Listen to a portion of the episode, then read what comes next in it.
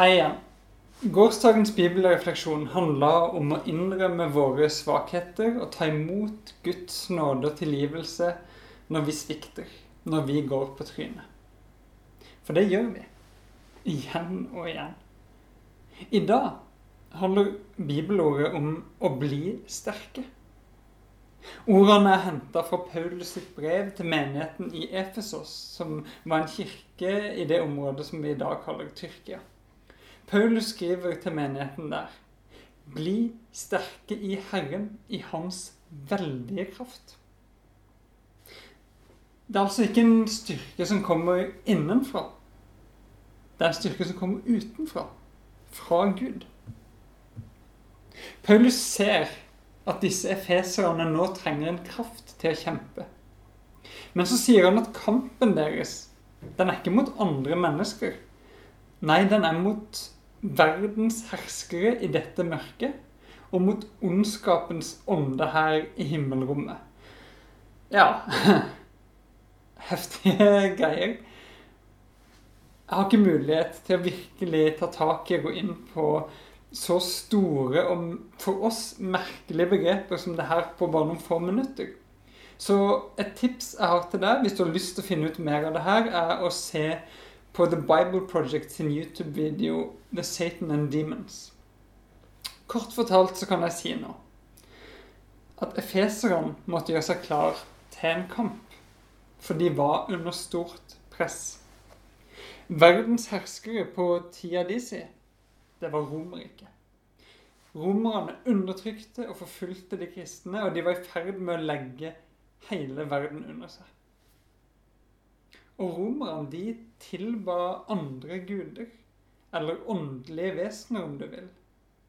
Det som Paulus ville kalt ondskapens ånde her i himmelrommet. Det her kjennes nok ganske fjernt fra din hverdag nå, og sikkert ganske fjernt fra din virkelighetsforståelse også. Ondskapens ånde her i himmelrommet. Men uansett så tror jeg at du kan kjenne deg igjen i at du møter motstand i livet. Og da tror jeg fortsatt det er veldig relevant det Paulus sier. At du skal hente din kraft og din styrke hos Gud. Bli sterke i Herren, i Hans veldige kraft, skriver Paulus. Men åssen gjør vi det, da? Jo, ved å be. Ved å be om at Gud skal hjelpe oss og styrke oss og beskytte oss. Paulus skriver Ta på Guds fulle rustning, så dere kan gjøre motstand på den onde dag og bli stående etter å ha overvunnet alt. Og så begynner han å forklare litt nærmere hva denne her Guds fulle rustning består av.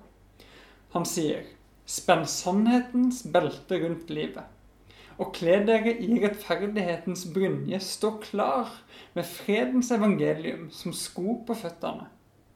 Hold alltid troas skjold høyt, med det kan dere slukke den ondes brennende piler. Ta imot frelsens hjelm og åndens sverd, som er Guds ord. Og så avslutter han med å si Gjør dette i bønn og legg alt fram for Gud. Ja, det er litt rart. Men jeg tror kanskje Paulus gir oss en liten bønneoppskrift her. Som vi kan bruke på krevende dager. Jeg har prøvd det her noen ganger før, og så har jeg tenkt å gjøre det igjen i dag, og jeg vil invitere dere til det samme. Jeg har noen ganger i bønn med bevegelser bedt på meg Guds fulle rustning, så kan jeg si nå tar jeg på meg sannhetens belte. Gud, sannheten er at du elsker meg, og at du både har skapt meg og frelst meg. Så kan jeg si nå tar jeg på meg rettferdighetens brynje. Ikke min rettferdighet, men den rettferdigheten du har gitt meg, Jesus, ved din død. Den som gjør at jeg slipper å gå rundt og rettferdiggjøre meg sjøl hele tida.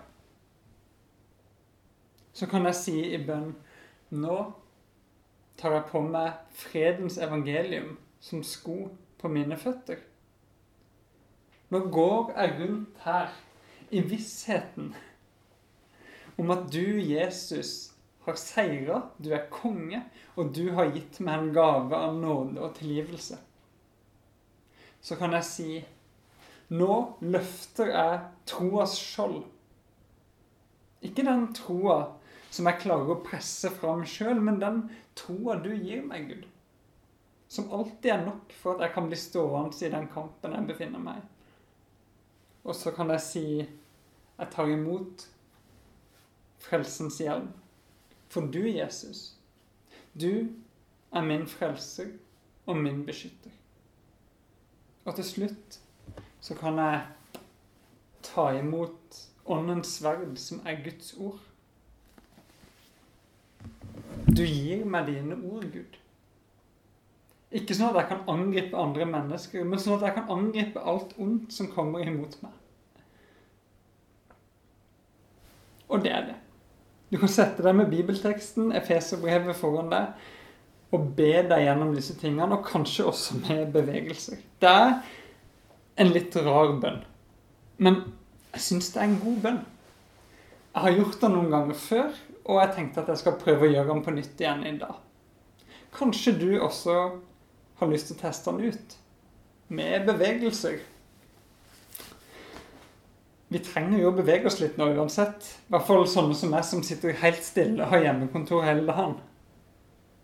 Men viktigere enn det vi trenger Guds kraft og beskyttelse når vi står midt i de krevende omstendighetene som samfunnet har fått pga. koronaviruset. Så folkens, bli sterke i Herren, i Hans veldige kraft. Amen.